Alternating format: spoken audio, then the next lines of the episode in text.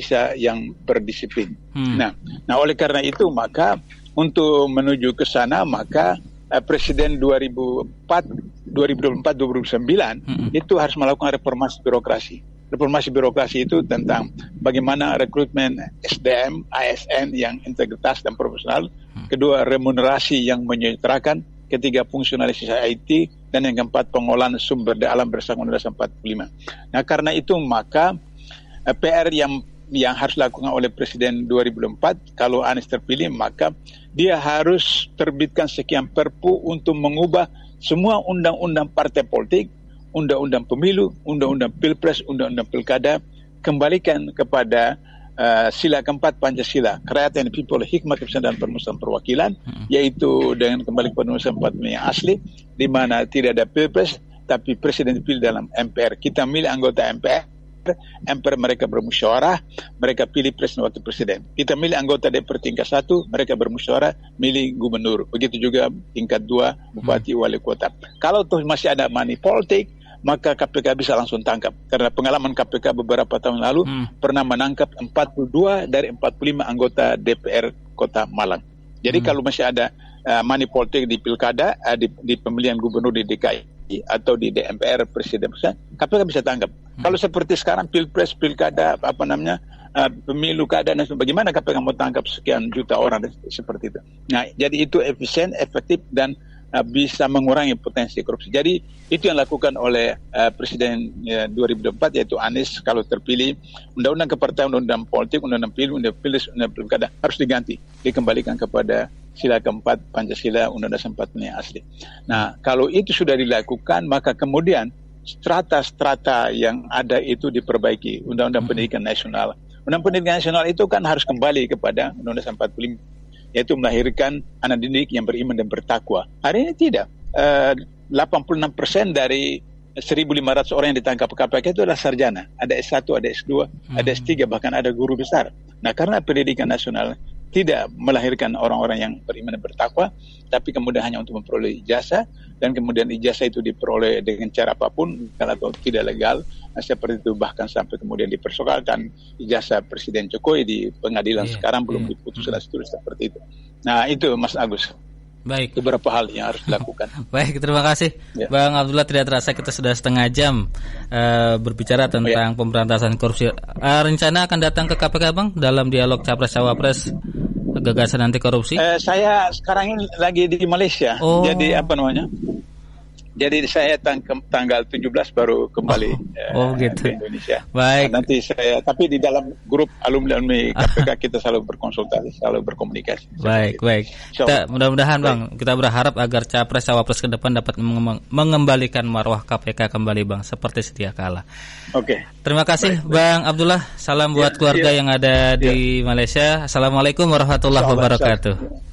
Waalaikumsalam warahmatullahi wabarakatuh. Baik ikhwan dan akhwat demikianlah perbincangan kami dengan Bang Abdullah Heha Mahwa, mantan penasihat KPK eh, yang sudah berbincang kepada kita tentang bagaimana pemberantasan korupsi, harapannya kepada Capres Cawapres 2024-2029 dan harapan untuk kembali mengembali, dapat mengembalikan marwah dan juga jati diri KPK agar sesuai dengan uh, cita-cita yang diamanatkan. Baiklah ikhwan kami akan lanjutkan kembali uh, berita-berita yang akan dibacakan oleh rekan kami.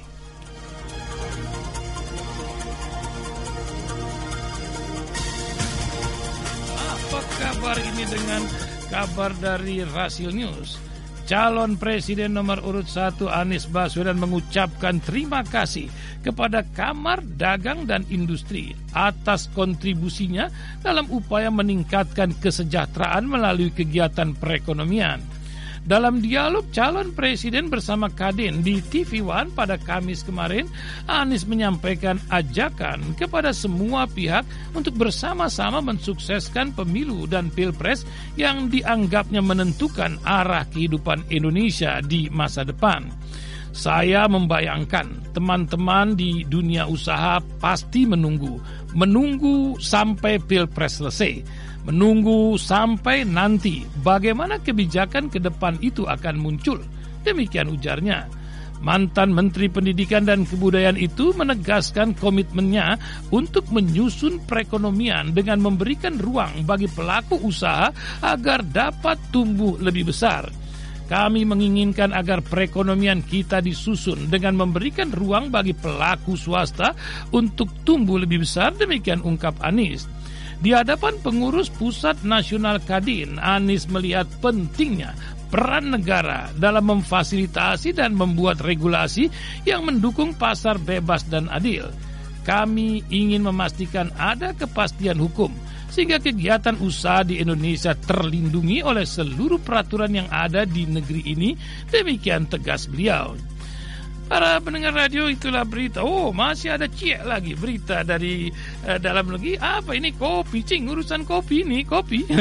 ya dikabarkan Tempo mengabarkan tentang jangan minum kopi jika alami tiga gejala kesehatan ini. Nah ini ya, ingatnya kopinya jangan KW-KW. Kopi termasuk minuman favorit banyak orang dan diklaim bisa meningkatkan fokus level energi. Penelitian juga menyebutkan kopi bisa menurunkan resiko diabetes tipe 2, mendukung kesehatan jantung dan otak, membantu penurunan berat badan dan meningkatkan peluang hidup lebih lama. Tapi, hindari minum kopi jika memiliki gejala tiga masalah kesehatan. Ini demikian Dr. Shoot dalam dari Badan Kesehatan Inggris menghimbau mengurangi kopi jika ada masalah tidur mengalami kecemasan dan gangguan irama jantung. Menurutnya, meski kopi punya banyak manfaat kesehatan, tidur tetap harus menjadi prioritas. Ia menjelaskan kopi punya masa tinggal lama dan berada dalam sistem tubuh lebih lama dari yang dibayangkan. Artinya, Secangkir kopi di pagi hari akan tetap berada dalam sistem ketika Anda akan tidur di malam hari dan akan banyak mengurangi kualitas tidur. Terkait dengan hipertensi, NHS mengatakan minum kopi dari 4 cangkir kopi sehari bisa meningkatkan tekanan darah. Untuk kesehatan jantung, Victoria Taylor dari Yayasan Jantung Britania menyebutkan minuman teh atau atau kopi dengan jumlah sedang 4 hingga 5 cangkir sehari tidak masalah buat kebanyakan orang. Namun ia menambahkan riset menunjukkan asupan kafein tersebut jangan sampai mempengaruhi kesehatan kadar kolesterol dan irama jantung. Meski minum kopi menunjukkan bisa menaikkan tekanan darah, hal ini hanya sementara dan dampaknya akan terus menurun jika Anda rutin minum minuman kafi berkafein. Sebagian orang lebih sensitif terhadap kafein dan bisa mengalami palpitasi. Jika Anda termasuk lebih baik menghindari kopi, Ingat bahwa kafein itu terkandung dalam beberapa jenis makanan seperti teh, teh hijau, kopi, minuman energi, cola, dan coklat. Demikian tandas beliau. Ya begitulah cerita kopi mengakhiri berita-berita kita di pagi hari ini. Kami sapa dulu pendengar setia kami di berbagai tempat jagat raya. Apa kabar Bang Yan di Kanada? Juga pendengar setia kami di Amerika. Kami akan sapa juga Bapak Zahlinar Darus, Bapak Hairudin Rahman, Ibu Uci Chandra Mursida, dan Bapak Sabto Edi Putro. Sehat Ibu Wasima Arlan dan Ibu Yunida Sofiana. Ibu Dewi Asia apa kabar dan Bapak Destrianto bagus. Sehat Bapak Edi Kusnadi dan Ibu Rini Aryani. Seluruh hamba Allah di mana pun Anda berada, jin dan manusia yang terus mendengarkan radio kita ini, radio silaturahim untuk Islam yang satu, untuk Indonesia bersatu. Ya kita akan badalkan dulu secangkir kopi. Ingat tadi dibilangnya didampingi dengan air putih. Kami akan nikmati bersama-sama secangkir kopi pahit. Ya untuk seluruh pendengar yang dalam perjalanan Kadang kita bayangkan saja Kopi pahit bukan KW-KW ya. Tanpa gula. Bismillahirrahmanirrahim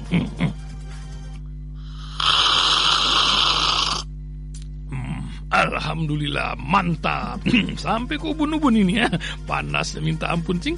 Wah pahitnya juga be, be, be, be.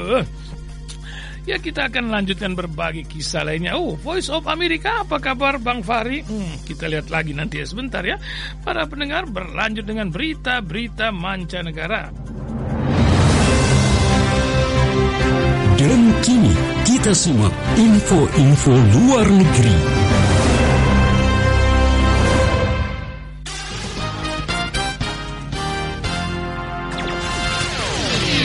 Inilah headline news VOA, saya Jimmy Manan.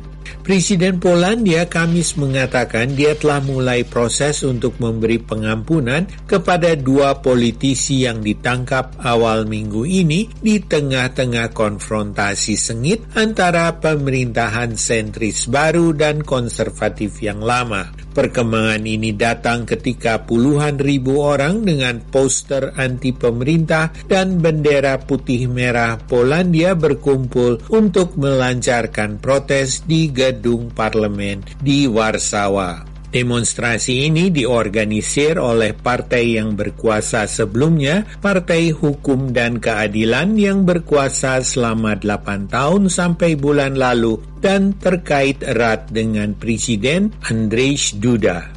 Presiden Ekuador Daniel Noboa Kamis menyajikan rancang dari dua penjara baru yang dia rencanakan untuk dibangun dan mengatasi krisis sistem penjara negara itu. Tiga modul dari penjara dengan pengamanan yang super, maksimum, dan tinggi akan dibangun di provinsi Santa Elena dan Pastaza, memanfaatkan teknologi tinggi, sistem elektronik, dan pengawalan tanpa wajah. Ekuador sedang dicekam oleh gelombang kejahatan yang dilakukan oleh geng perdagangan obat terlarang dan Presiden Daniel Noboa mendeklarasikan sebuah keadaan darurat dan perang virtual terhadap geng-geng ini. Warga Ekuador khawatir kekerasan akan meningkat di sebuah negara di mana seorang kandidat presiden dibunuh tahun lalu. FAA meluncurkan sebuah penyelidikan resmi terhadap pesawat Boeing 737 MAX 9 setelah sebuah panel copot pada penerbangan Alaska Airlines minggu lalu, sehingga memaksa pendaratan darurat kata regulator pada Kamis. FAA melarang terbang 171 pesawat jet Boeing yang memiliki panel sama setelah insiden itu. Kebanyakan pesawat ini dioperasikan oleh Alaskan Airlines dan United Airlines. Tidak jelas kapan pesawat-pesawat ini akan diizinkan terbang lagi dan ini merupakan insiden terbaru dalam serangkaian kejadian yang menggoncangkan kepercayaan terhadap produsen pesawat ini. FAA mengatakan insiden MAX 9 Alaska Airlines seharusnya tidak boleh terjadi dan tidak boleh terulang. Inspektur Jenderal Pentagon akan melakukan kajian atas perawatan medis terhadap diri Menhan AS, Lloyd Austin, dan kegagalan melaporkan opname rumah sakit dirinya kepada cabang pemerintahan lain yang berkepentingan. Demikian bunyi sebuah memo yang dirilis pada Kamis. Tujuan dari kajian ini adalah meneliti peran, proses, prosedur, tanggung jawab, dan tindakan terkait dengan opname rumah sakit Menhan pada Desember 2023 sampai Januari 2024 kata memo itu. Isu kesehatan Austin tidak disampaikan kepada beberapa pembantu senior sampai 2 Januari dan Gedung Putih baru tahu tentang perkembangan ini pada 4 Januari. Mantan Presiden AS Donald Trump menyerang penuntut dan hakim ketika berlangsung argumen penutup pada Kamis dalam sidang perdata penipuan bisnis yang melibatkan dirinya di New York. Trump mengatakan jaksa dan hakim berusaha menggagalkan kampanye kepresidenannya. Negara bagian New York mendakwa Trump dan pejabat perusahaannya secara rutin menggelembungkan nilai properti yang mereka miliki untuk untuk memperoleh pinjaman bank dengan syarat ringan. Trump melancarkan sebuah serangan disertai kemarahan terhadap Jaksa Agung New York Letitia James. Hakim Enggoron memberitahu pengacara Trump untuk mengendalikan klien mereka. Sekian headline news VOA. Rentetan berita dari Mi'rat News Agency akan mengabarkan tentang keadaan di Timur Tengah. Hasbi Allah, ni'mal wakil, ni'mal maula wa nasir. Tentara Israel diduga telah menjarah uang dan barang-barang lainnya senilai puluhan juta dolar dari jalur Gaza sejak dimulainya perang di wilayah Palestina yang hancur tersebut. Kantor media pemerintah Gaza mengatakan pihaknya telah menerima lusinan laporan dari penduduk jalur Gaza mengenai masalah uang curian, emas, dan artefak selama 92 hari ini yang berlangsung dari 7 Oktober hingga Sabtu 6, Jan 6 Januari lalu. Kantor tersebut mengatakan barang-barang tersebut bernilai 90 juta shekel atau 24 juta dolar dan disita oleh tentara pendudukan Israel. Kantor media menyebutkan pencurian terjadi dengan berbagai cara, mulai dari pencurian tas berisi barang berharga di pos pemeriksaan hingga penggerbekan rumah warga yang diminta untuk mengungsi. Masya Allah. Yang satu lagi pisang aja pakai permisi itu tentara ya waktu ke sana. Ya kita lihat saja Al-Kisah satu ini. Sementara aktivis Yerusalem serukan warga datang ke Al-Aqsa. Begini kisahnya dari Mi'rat News Agency agensi. Aktivis dan gerakan warga Yerusalem bernama Sejuta Al-Aqsa men menyeru seluruh warga Palestina melakukan perjalanan ke Masjidil Al-Aqsa pada hari Jumat ini dan berjaga di dalamnya. Di gerbang-gerbangnya sampai mengepung sampai pengepungan dihentikan. Seruan dari Yerusalem dan warga Palestina menekankan perlunya mobilisasi berkelanjutan dan pelaksanaan konvoi Al-Aqsa untuk mematahkan pengepungan yang diberlakukan terhadap Masjid Al-Aqsa selama 13 pekan berturut-turut. Aktivis Palestina di Yerusalem mengumumkan pengiriman konvoi penjaga dari warga ke Masjid Al-Aqsa untuk berpartisipasi dalam rekonstruksi, berkumpul di alun-alun Al-Aqsa dan untuk mematahkan pengepungan. Demikian dari Yerusalem terus bergerak balik lagi ke Gaza sebuah ingatan dari warga yang sedang ber, berjuang. Medical Emergency Rescue Committee, lembaga medis kemanusiaan yang satu ini, menambah lagi jumlah bantuan makanan sajinya setiap hari untuk warga Palestina yang mengungsi di Khan Yunis, Gaza Selatan, di mana sebelum di mana sebelumnya hanya 1.800 porsi per hari, kini menjadi 5.800 porsi per hari.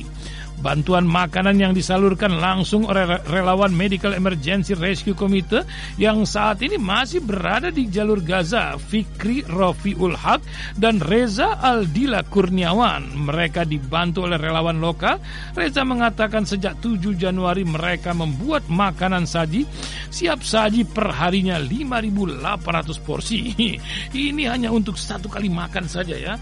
Para pendengar lanjut Alkisah berbagai cerita Al eh, Alkisah dari Den Haag kami akan iringi melalui Mi'rat News Agency.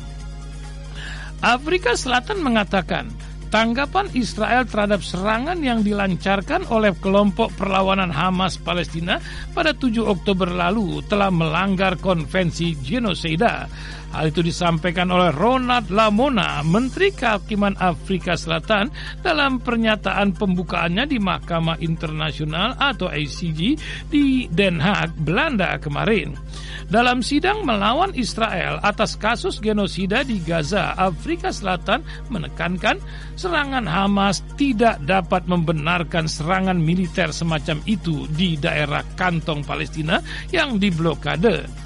Afrika Selatan merinci bukti kebrutalan yang dilakukan di Gaza menjadikan negara Afrika tersebut sebagai negara pertama yang mengajukan gugatan terhadap rezim pendudukan di ICJ.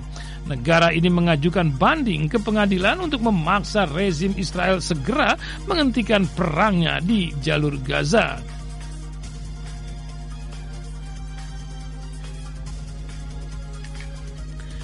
Ya ikhwan dan akhwat yang dirahmati Allah Subhanahu wa taala, senang sekali kami masih dapat menemani Anda di pagi hari ini dalam aktivitas Anda eh, di tempat kerja ataupun Anda yang saat ini berada di rumah dalam program Topik Berita.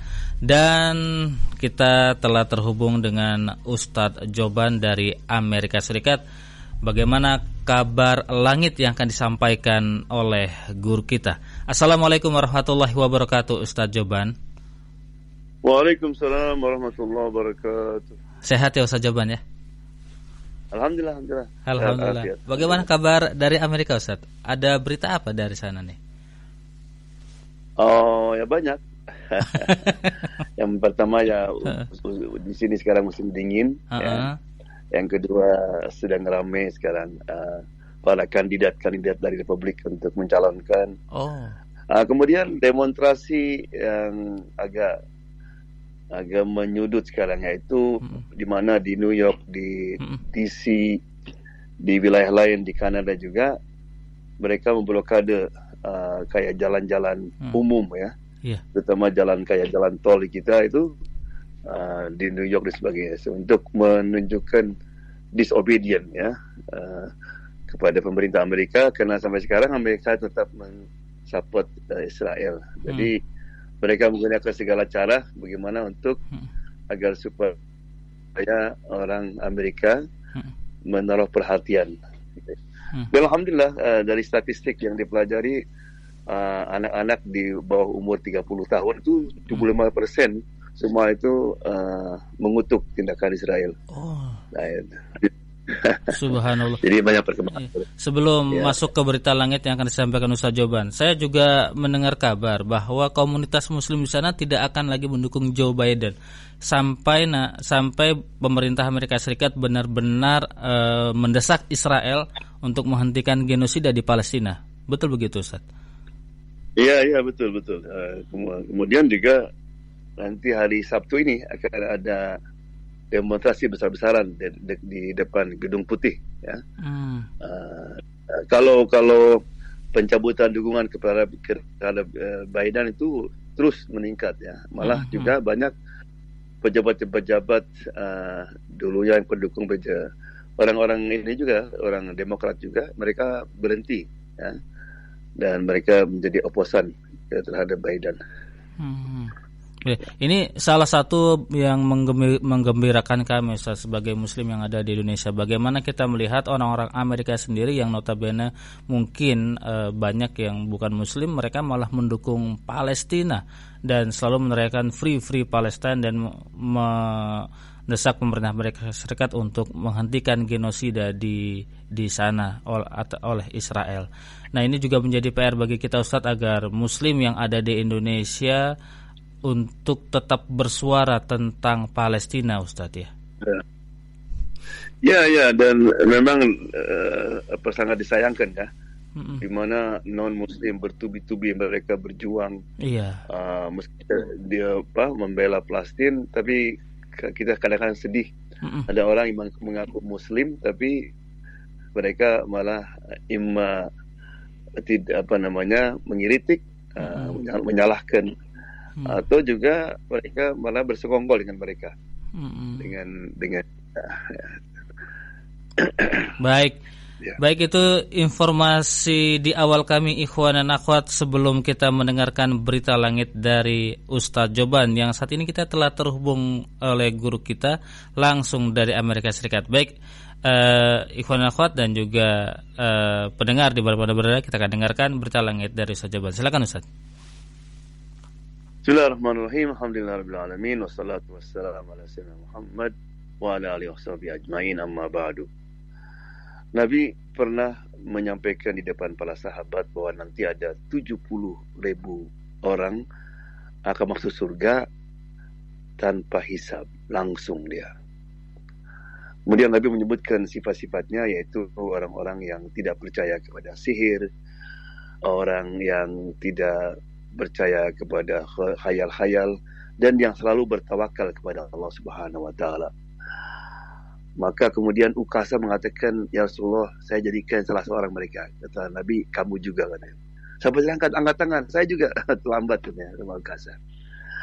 Nah, jadi di antara orang-orang yang nanti masuk surga itu tanpa hisab adalah orang yang selalu wa ala rabbihim yatawakkalun selalu bertawakal kepada Allah Subhanahu wa taala. Jadi tawakal ini adalah salah satu tanda iman seseorang. Ayat wa 'alallahi falyatawakkalul mu'minun. Hanya kepada Allah hendaknya orang-orang beriman bertawakal. Fatawakkalu in kuntum mu'minin. bertawakal kepada Allah kalau kamu itu beri, beriman. Right? Jadi tawakal ini wajib. Right? Nah, namun tawakal ini kadang-kadang orang salah paham. Tawakal itu ada tiga unsur. Yang pertama, ketika kita menghadapi masalah, itu kita eh, lihat masalahnya apa. Kemudian yang kedua, kita menggunakan segala sarana yang ada. Yang ketiga, hati kita menaruh kepercayaan kepada Allah Subhanahu wa taala. Jadi kalau masalahnya sakit ya kita pergi ke dokter. Nah, itu artinya kita berusaha dulu. Kemudian dalam hati tapi kita yakin banyak hanya Allah yang menyembuhkan. Right? Oleh karena itu Nabi Ayub alaihissalam ketika dia berdoa untuk bisa disembuhkan, apa takablah urkud birijlika. Orang sedang lemah sakit disuruh menggoyangkan kakinya, menginjakkan ke bumi nanti akan keluar air air yang dingin kamu mandi dan kamu minum kamu akan sembuh right? Apakah Allah bisa tanpa Ayub meng menginjakkan kakinya ke bumi bisa aja demikian juga Siti Maryam bayangkan seorang perempuan baru saja lahir right? ya disuruh oleh Allah menggoyangkan pohon kurma ada seorang syekh ketika di Mekah dia apa, namanya panggil 10 orang daripada murid-muridnya yang besar-besar untuk menggoyangkan pohon korma supaya jatuh. Nggak bisa, 10 orang dibayangkan juga. Ini baru perempuan baru melahirkan. Nah, itu maksud maksud maksud Allah Subhanahu wa taala selama kita di dunia ini kita harus berusaha dulu. Right? Oleh karena itu kita mesti bertawakal setiap saat namun ada beberapa keadaan yang tawakal kita mesti meningkat, mesti bertambah lebih tinggi lagi. Kapan itu? Kapan tawakal sangat diperlukan? Yang pertama ketika kita keluar dari rumah. Kata Nabi, barang siapa yang keluar dari rumah, kemudian dia membaca Bismillah tawakkaltu ala Allah wala haula wala quwata illa billah. Dengan nama Allah, aku bertawakal kepada Allah tidak ada daya dan upaya kecuali dengan Allah Subhanahu wa taala. Maka malaikat akan mengatakan kufita wa wuqita wa hudita. Kamu akan dicukupkan, dikuatkan, diberi petunjuk. Pada saat itu, setan akan berkata kepada temannya, yaitu korinnya. Ya, bagaimana kita bisa ganggu orang ini? Orang ini sekarang dalam penjagaan malaikat, penjagaan Allah Subhanahu taala dan diberi petunjuk Allah Subhanahu taala. Eh, jadi jangan lupa kita keluar rumah baca doa itu. Ajakan anak-anak kita. Yang kedua, ya tawakal ini diperlukan sekali ketika kita menghadapi kesulitan ekonomi, financial problem. Maka dalam hadis dikatakan barang orang, barang siapa yang orang ditimpa musibat, kekurangan harta, kena PHK, kena banyak utang dan sebagainya, kemudian dia mencari muka kepada orang, minta bantuan kepada orang, maka bantuan itu tidak tidak akan datang kepada dia. Jadi barang barang siapa orang yang dalam keadaan seperti itu, dia hanya minta kepada Allah Subhanahu Wa Taala, maka Allah akan membantunya cepat atau lambat. Baik, jadi ketika, ketika kita dalam keadaan seperti itu, kembali kepada Allah Subhanahu Wa Taala. Kita usaha, tapi hati kita nggak ragu dengan Allah Subhanahu Wa Taala. Yang ketiga, tawakal diperlukan ketika kita dijauhkan oleh orang. Kadang-kadang kita ini dulu mungkin kita nggak serius sama agama. Sekarang kita mulai rajin ke masjid, rajin baca Quran, rajin ke pengajian. Nah teman-teman kita yang dulu dulu itu mulai meninggalkan kita. Ya kata Allah apa? Fa intawallah qala hasbi Allah. Kul hasbi Allah. Kalau mereka berpaling, katakanlah hasbi Allah. Cukup Allah SWT. La ilaha illahu tidak Tuhan kecuali dia tawakal tu bahwa Rabbul Arsyil Aku hanya bertawakal kepada dialah Allah ya yang punya aras yang agung itu. Kemudian juga bertawakal ketika kita dihadapi oleh orang-orang yang tidak baik atau musuh-musuh Islam. Right? Ya, kadang-kadang nggak mudah itu, apalagi kita hidup di Amerika Serikat ini. Banyak sekali tantangannya. Right? Uh, di sinilah kita Allah mengatakan fa'arid anhum berpaling dari mereka wa tawakkal ala Allah dan bertawakal kepada Allah SWT. Nabi Muhammad SAW pernah habis peperangan beristirahat di bawah pohon, kemudian pedangnya diletakkan di atasnya. Kemudian Nabi tertidur. Rupanya ada musuh yang dari tadi mem memperhatikan ketika tahu Nabi sudah tidur, diambil pedangnya, dihunuskan ke lehernya. Langsung dibangunkan. Hei Muhammad, you know, kamu takut sama saya? Dan Nabi bilang, enggak. Man kami ini katanya. Siapa yang akan membela kamu sekarang? Nabi tenang. Kerana Nabi tahu. Walladhi yuhyi wa yumit. Hanya Allah yang menghidupkan mematikan. Kata apa Nabi Pak? Allah, Allah, Allah. Tiga kali. Jatuh pedangnya itu. Diambil sama Nabi. Nah sekarang siapa yang akan menjaga kamu, membela kamu? Ya Muhammad, dan kau orang baik, jangan bunuh saya katanya. nah, nah kita juga bisa, kita bisa di tengah lagi jalan di tengah-tengah kota ada orang nodong, ya siapa jaga kamu? Kita bilang Allah. Tapi mesti yakin mau menjaga uh, Allah, Allah. Itu pasti jatuh itu. Ya. Kemudian juga kita diperlukan untuk lebih bertawakal ketika kita berdakwah, mengajak orang kepada kebenaran. Banyak tantangannya nanti. Musa bin Umar ketika dia di Madinah karena kehebatan dia, keikhlasan dia, banyak orang masuk Islam. Ya, ada seorang uh, tokoh uh, orang-orang orang Madinah ketika itu namanya Usaid. Dia marah karena banyak sekarang ini orang masuk Islam. Mana itu si Mus'ab? Ya. Nah, Mus'ab dikasih tahu, weh, kamu ngumpet kan ya? Mus'ab kenapa? Kamu akan dibunuh. Mau siapa? Mau Usaid. Suruh datang dia. Nggak takut takut sama Allah SWT. Allah. Ketika sampai, kamu ya yang nama Musa. Ya. Kalau kamu pergi dari Madinah, saya akan bunuh. Musa duduk dulu. Coba dengarkan apa yang saya sampaikan. Kalau apa yang sampai kamu sampaikan itu masuk akal, kamu terima, terima. Kalau enggak, saya akan pergi. Kan, ya? Musa menjelaskan tentang Islam, Masya Allah. Ketika dia mendengar urian Mus'ab, itu langsung dia asyhadu Allah asyhadu Rasulullah. Pernah Hajjaj bin Yusuf seorang um, apa namanya yang banyak membunuh sekali ribuan orang muslim dibunuh sama dia seorang gubernur di di mana di Baghdad ketika itu.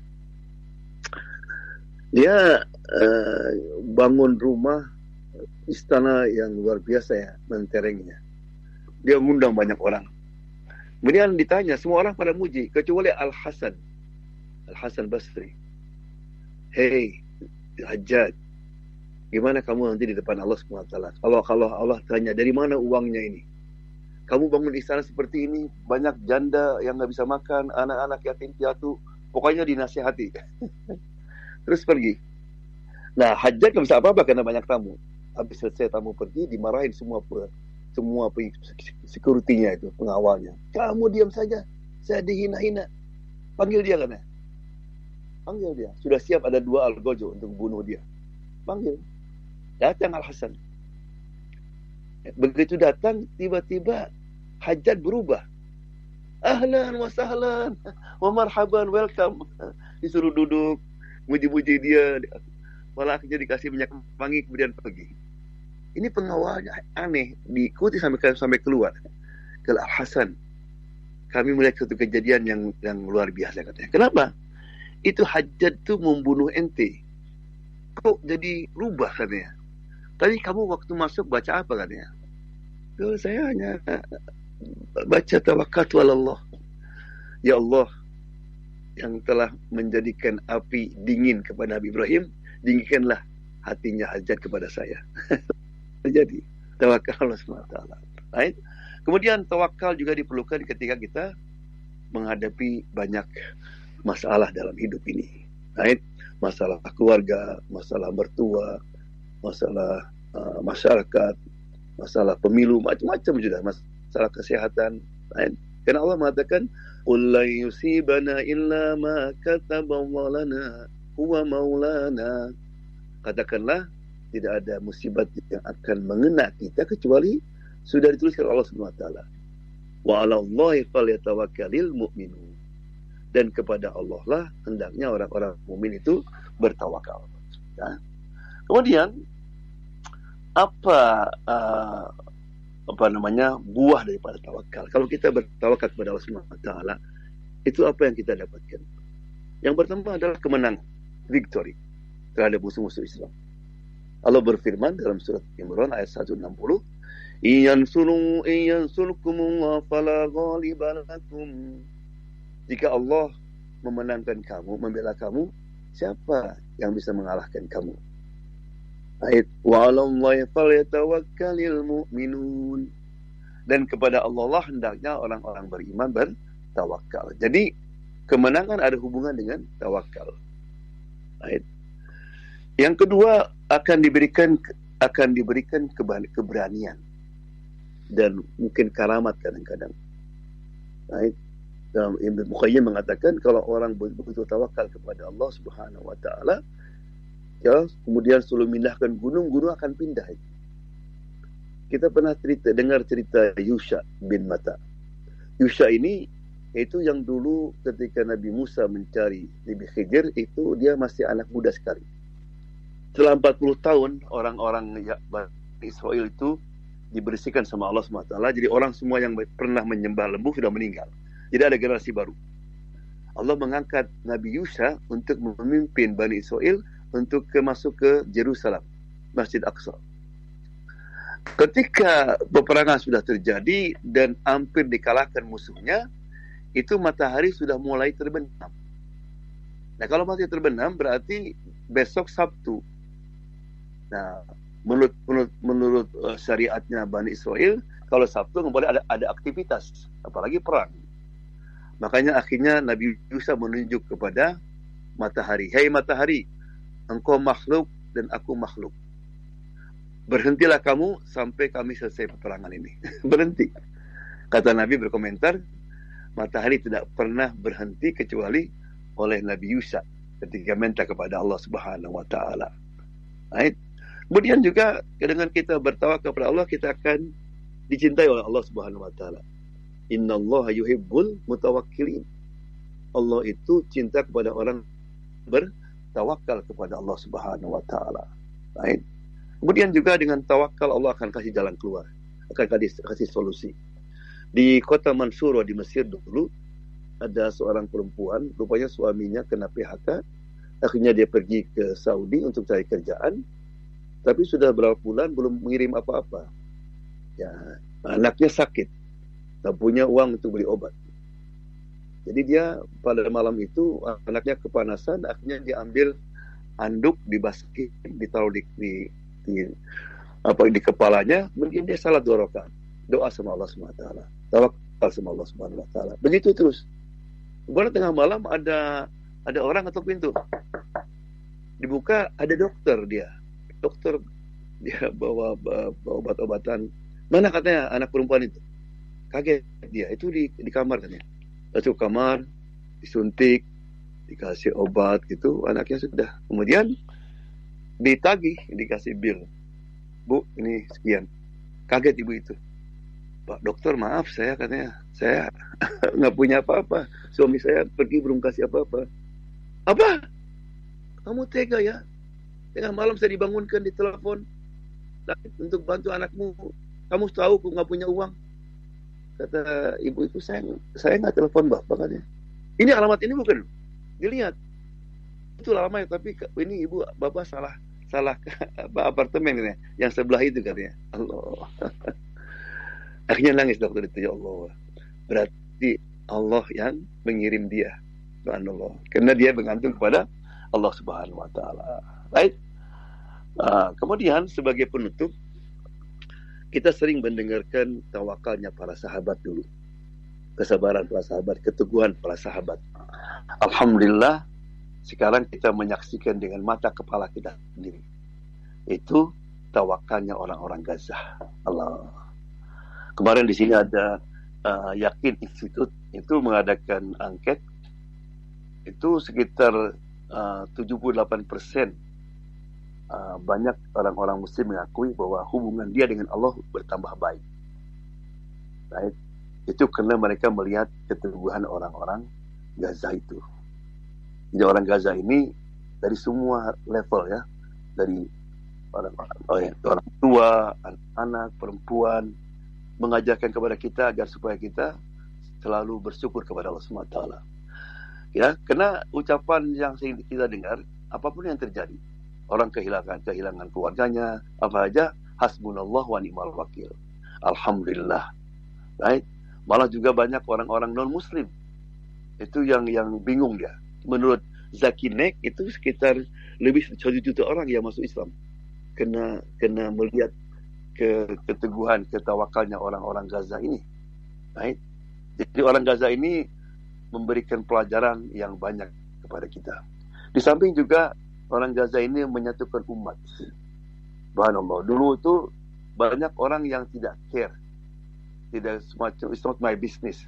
Urusan urusan Masjid Aqsa, urusan Palestina. Sekarang Masya Allah, umat bersatu. Bukan muslim saja, non muslim juga. Right? Jadi kita ini apa namanya bersyukur ya, berterima kasih pada orang-orang Gaza ini karena mereka telah berdakwah dengan tidak langsung dan merubah baik di dalam yaitu banyak anak-anak muda, anak-anak muslim yang kembali ke Islam, kembali ke Quran. Banyak anak-anak di sini yang cerita sama saya, saya sering baca satu ayat tapi saya nggak ngerti katanya. Baru setelah apa yang terjadi di mana di Gaza ini saya baru bisa mendalami, bisa menghayati ayat yang saya baca ini. Subhanallah. Right? Apa kenapa itu? karena tawakalnya orang Gaza. Dalam keadaan seperti itu, mereka tidak pernah komplain. Ada seorang perempuan, dia lama gak punya anak, dikasih anak. Kemarin itu anaknya terbunuh, kena bom. Dia bilang, saya pertama mau mengeluh, mau protes sama Allah SWT, tapi tiba keluar dari mulut saya, innalillah wa inna ilaihi rojiun hasbunallah wakil. Saya malah jadi gembira katanya. Selama berapa bulan ini, tiga bulan ini anak saya itu sengsara makan aja sulit. Tapi sekarang asal in the good hand bersama Allah Subhanahu wa taala. Karena yakin bahwa orang yang mati syahid itu dia langsung diterima oleh Allah Subhanahu wa taala. Subhanallah. Jadi itulah mari kita kita tingkatkan tawakal kita kepada Allah Subhanahu wa taala. Nah, mudah-mudahan dan yang terakhir pahala orang tawakal adalah jannah. Allah berfirman dalam dalam Al-Qur'an jelas sekali bahwa ya walladzina amanu wa aminus solihati lanubawiyannahu minal jannati ghurafa tajri min tahtiyal anharu khalidina fiha ni'ma ajrul amilin orang-orang yang beriman dan beramal soleh Allah telah sediakan jannah. Siapa itu? Alladzina sabaru wa ala rabbihim yatawakkalun. Yaitu orang-orang yang sabar dan hanya kepada Allah mereka bertawakal. Allah ja'alna minal mutawakkilin insyaallah Allah jadikan kita orang-orang yang selalu bertawakal kepada Allah Subhanahu wa taala dalam keadaan bagaimanapun. Baik Ustaz Joban terima kasih atas berita langitnya ya. di pagi hari ini. Ya. Jazakallah Ustaz, tapi uh, oh, iya, iya, iya, tapi kita juga berharap benar Ustaz bahwa Gaza memang menyatukan kita semua dan ini terbukti bagaimana saat ini uh, masyarakat sipil yang ada di Amerika Serikat mereka berbondong-bondong menyuarakan tentang keadilan dan stop genosid bagi bagi Palestina oleh Israel di sana Ustaz. Ini suatu hal yang memang di luar uh, nalar nah. kita sebagai manusia begitu. Ya betul ya artinya apa namanya pertama uh, apa namanya bayangkan juta, eh, sekarang sejuta lebih orang masuk Islam. Iya. itu kan bukan main dengan yang kemudian orang-orang non Muslim ya yang tidak tahu apa-apa mereka apa namanya memberikan simpati empati pada mereka. Ya kemudian juga banyak orang-orang yang dulu jauh dari agama kembali kepada agama. Memang pasti pedih, mesti berat ya ujian seperti itu. Tapi insya Allah ini tanda-tanda kebaikan insya Allah. Insya Allah. Mudah-mudahan orang-orang muslim, muslim yang belum sadar sadar insya Allah. Amin, amin ya robbal alamin. Baik Ustaz, terima kasih atas tausiahnya, atas berita langitnya di pagi hari ini Ustaz. Assalamualaikum warahmatullahi wabarakatuh. Waalaikumsalam warahmatullahi wabarakatuh. Ikhwan dan akhwat, demikianlah uh, berita langit dari Ustadz Joban langsung dari Amerika Serikat. Dan kita akan lanjutkan informasi-informasi berikutnya yang telah disiapkan oleh Bung Fahri. Silakan Bung.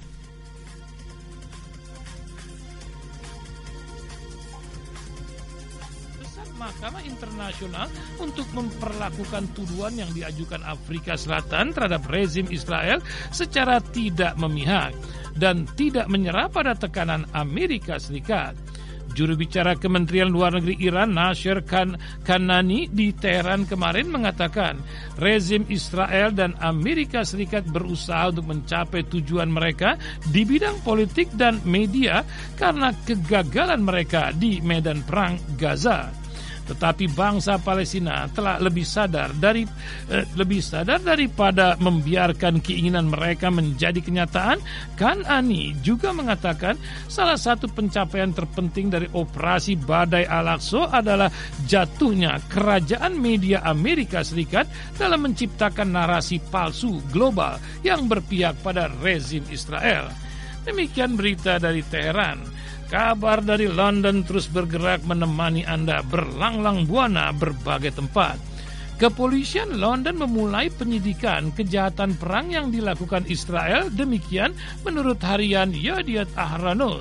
Pihak kepolisian telah meminta saksi yang melewati bandara di Inggris untuk melaporkan kejahatan perang dan kejahatan terhadap kemanusiaan yang dilakukan di Gaza terdapat poster yang ditulis dalam bahasa Inggris, Ibrani, dan Arab bagi pengunjung bandara Inggris yang berbunyi, jika Anda pernah berada di wilayah Israel, Palestina, dan menyaksikan atau menjadi korban terorisme, kejahatan perang, atau kejahatan terhadap kemanusiaan, maka Anda dapat melaporkan hal ini ke polisi Inggris.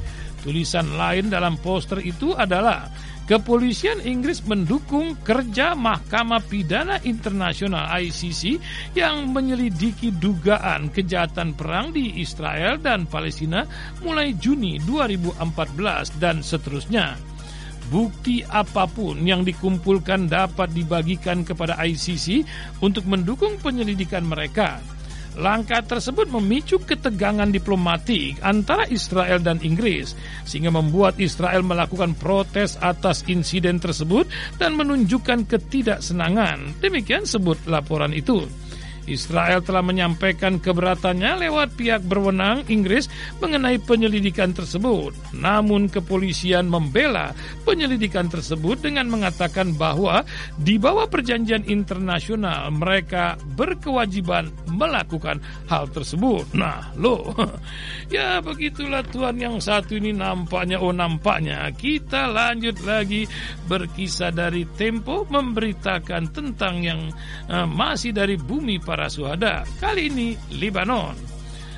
Media Israel pada Rabu 10 Januari lalu melaporkan bahwa penggunaan rudal anti-tank oleh Hizbullah sebagai senjata penembak jitu adalah belum pernah terjadi sebelumnya. Surat kabar Herald Israel mengungkapkan bahwa mulai tanggal 7 Oktober, Hizbullah telah meluncurkan mortir dan roket ke pos-pos militer Israel. Namun, Peningkatan luar biasa dalam penempatan rudal anti-tank dari Libanon patut diperhatikan dalam konfrontasi yang sedang berlangsung. Penggunaan senjata presisi ini oleh Hizbullah tidak ada bandingannya di Israel dan mungkin secara global. Menurut angka yang diperoleh Heras, daftar pemukiman yang terkena rudal anti-tank dan kerusakan infrastruktur sipil sangatlah panjang itu eh, itu penyebaran di sepanjang perbatasan Lebanon. Surat kabar tersebut merinci bahwa banyak rumah, bangunan umum, kandang ayam, bisnis dan kendaraan di Musafin, Afifim, Dofes, Zarid dan Sut dan Stulta serta Kebitz dan Kibutzim, Misgas, Am dan Sasa bersama-sama dengan permukiman lainnya terkena dampaknya Seorang peneliti senior di Institut Studi Keamanan Nasional, Yoseha Keliski, menjelaskan bahwa cara penggunaan senjata tersebut oleh Hizbullah belum pernah terjadi sebelumnya di dunia. Demikian kabar dari Libanon.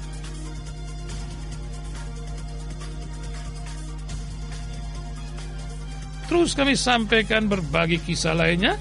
Penutup kisah yang satu ini dari CNN mengabarkan tentang Papua Nugini. Hang Heng Hong sedang terjadi di sana. Beginilah kisah yang satu ini. Papua Nugini mengumumkan keadaan darurat selama 14 hari di ibu kota Port Moresby usai kerusuhan berujung penjaraan dan pembakaran toko-toko yang telah menewaskan setidaknya 15 orang. Pada hari Kamis lalu kami menyerukan keadaan darurat selama 14 hari di ibu kota negara kami, demikian Perdana Menteri Papua Nugini James Marape. Dikutip dari AFP, berdasarkan keputusan tersebut, Merepe telah memerintahkan lebih dari seribu tentara bersiaga untuk turun tangan. Jika diperlukan, dalam beberapa jam terakhir, kerusuhan bahkan telah meluas ke kota Lei yang jaraknya sekitar 300 km ke arah utara. Marape mengatakan tentara bisa melakukan intervensi untuk mengatasi situasi apa pun yang mungkin timbul dalam beberapa waktu ke depan. Kerusuhan besar terjadi di Papua Nugini pada hari Rabu lalu usai warga melakukan demo besar-besaran di Port Moresby. Sejumlah besar pertokoan juga dijarah dan dibakar dalam peristiwa tersebut. ABC Net melaporkan ratusan warga berdemonstrasi di gedung parlemen Port Moresby usai terjadi eh, te, terjadi error dalam pembayaran gaji bagi pegawai negeri sipil PNS. Gaji PNS di Papua Nugini berkurang 300 kina atau sekitar 1,2 juta dari yang semestinya.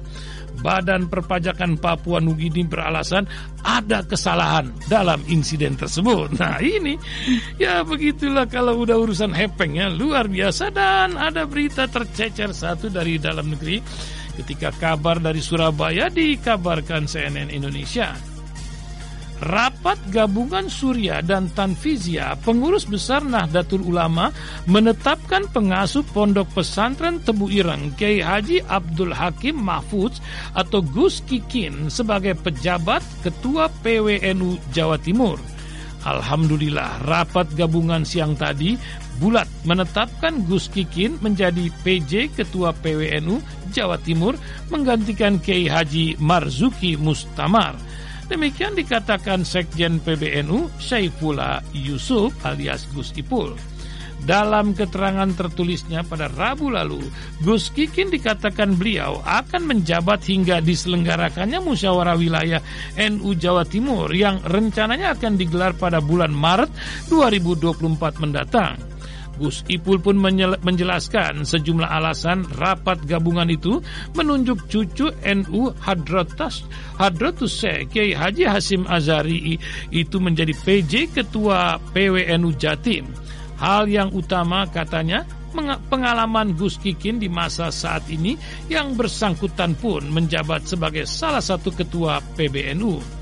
Apalagi beliau saat ini juga pengasuh pesantren Tubuh Ireng dan juga cucu Hadratuse insya Allah akan mampu menjalankan kepemimpinan organisasi dalam masa transisi ini.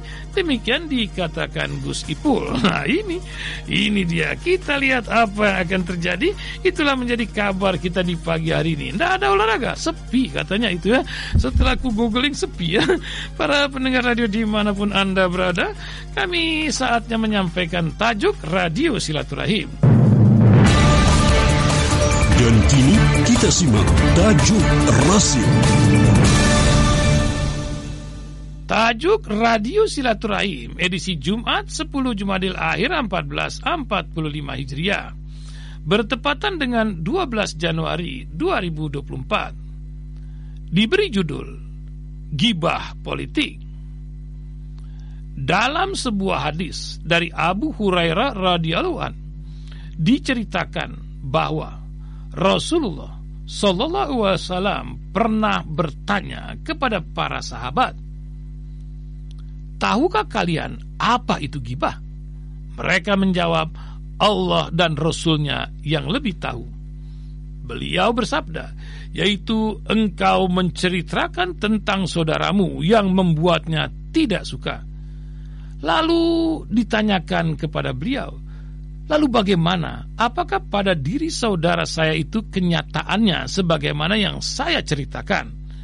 Maka beliau bersabda, Apabila cerita yang engkau katakan itu sesuai dengan kenyataan, maka engkau telah menggibahnya. dan apabila ternyata tidak sesuai dengan kenyataan dirinya, maka engkau telah membuat kebohongan alias fitnah atasnya. Gibah merupakan perbuatan keji yang tidak diredoi oleh Allah Subhanahu wa taala. Pelaku gibah diumpamakan bagaikan manusia pemakan daging saudaranya. Allah Subhanahu wa taala berfirman dalam Al-Qur'an surah Al-Hujarat ayat 12. Hai orang-orang yang beriman, jauhilah kebanyakan prasangka, kecurigaan karena sebagian dari prasangka itu dosa. Dan janganlah mencari-cari keburukan orang dan janganlah menggunjingkan gibah satu sama lain. Adakah seseorang di antara kamu yang suka memakan daging saudaranya yang sudah mati? Maka tentulah kami merasa jijik kepadanya dan bertakwalah kepada Allah. Sesungguhnya Allah Maha Penerima Tobat lagi maha penyayang. Imam Al-Baihaqi pernah meriwayatkan sebuah hadis bahwa Rasulullah SAW bersabda, Janganlah sekali-kali kamu melakukan pergunjingan, karena pergunjingan itu lebih berat dari perzinahan. Karena jika seseorang yang berzina kemudian bertobat, maka Allah mengampuninya. Sedangkan penggunjingan tidak akan diampuni Allah sebelum orang yang digunjingkan itu memaafkannya. Betapa besarnya dosa yang disebabkan oleh ulah lidah, menggosip, gibah, dan mencela atau mencaci orang lain. Betapapun rajin kita beribadah di hadapan Allah Subhanahu wa taala, maka ibadah kita tidak akan sempurna. Selain lidah, kita menggosip atau gibah dan menyakiti orang lain. Bukankah Rasulullah SAW pernah menyampaikan bahwa seorang Muslim yang baik itu adalah mereka yang membuat orang lain selamat dari bahaya lisan dan tangannya? Saat ini, gibah seolah telah menjadi hal biasa. Gibah seolah menjadi menu pokok yang disuguhkan media kepada masyarakat. Wajar jika kemudian gibah telah menjadi tontonan yang mampu mengangkat rating tayangan televisi.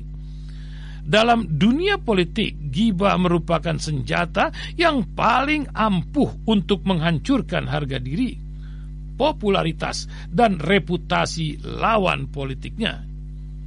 Giba sangat marak terjadi dalam dunia perpolitikan di Indonesia. Bahkan, giba telah menjalar hingga ke akar rumput perpolitikan negeri ini. Banyak sekali materi politik yang ditampilkan melalui media, baik elektronik cetak maupun televisi yang mengundang unsur gibah atau menjelekkan lawan ataupun orang yang berseberangan dengan pandangan politiknya. Sehingga wajar jika kemudian banyak terjadi sengketa, permusuhan, dan perkelahian dalam pesta demokrasi di negeri ini. Namun, ada gibah yang diperbolehkan.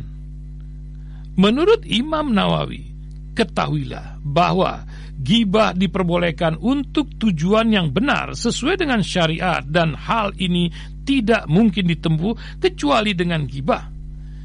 Gibah yang diperbolehkan dapat berupa pertama, al-tashalun untuk melaporkan terjadinya kezaliman. Kedua, is uh, al-isti'anah ala takhir al-munkar untuk meminta bantuan mengubah kemungkaran. Ketiga, al-istifta untuk meminta fatwa mengenai sesuatu permasalahan yang sangat bermasalah bagi umat dan bangsa. Dan yang keempat, tahzir al-muslim ala al-asyair untuk memperingatkan muslim agar tidak berbuat kejahatan. Oh, ada kelima, al-ta'rif bi al-syaksi untuk mengenalkan orang lain. Dan keenam, zikru manjahara bil al fiski wa al bid'ah wa akhiyana untuk menyebutkan orang yang nyata-nyata berbuat kefasikan, bid'ah dan khianat yang bisa menghancurkan umat. Karena gibah politik itu dapat merusak integritas diri sendiri dan orang lain, maka kita semua perlu belajar puasa gibah.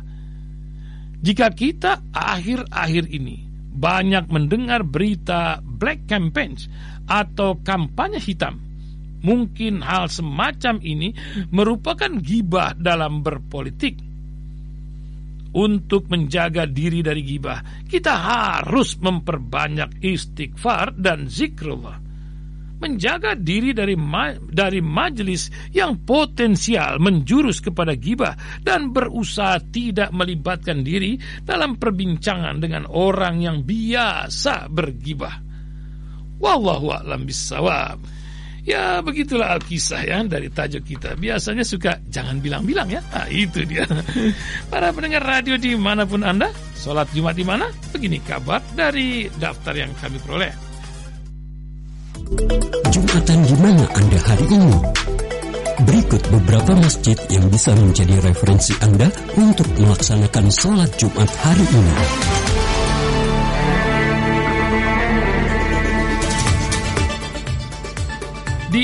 Masjid Silaturahim Kalimanggis ada Jabotabek dan Masjid Raya Bintaro MRBG. Nah, siapa nih Hotip? Aduh, kan dicatat ya. Masjid Agung Atin, Taman Mini Indonesia Indah Kiai Haji Abdul Rahman Bustoni. Sementara Masjid Agung Al-Azhar Dr. Haji Muhbib Abdul Wahab.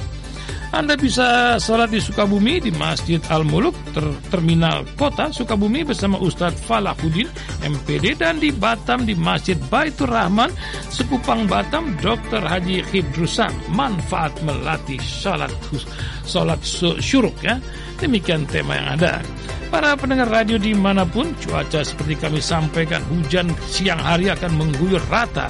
Tapi anehnya Sukabumi, Semarang, ya Banyuwangi itu tidak hujan ya. Dari pagi sampai malam. Begitu juga di Yogyakarta. Lainnya diberitakan hujan. Kita lanjutkan pagi ini dengan renungan di bawah naungan Al-Quran bersama Ustadz Husin Alatas dalam sebuah tanya jawab.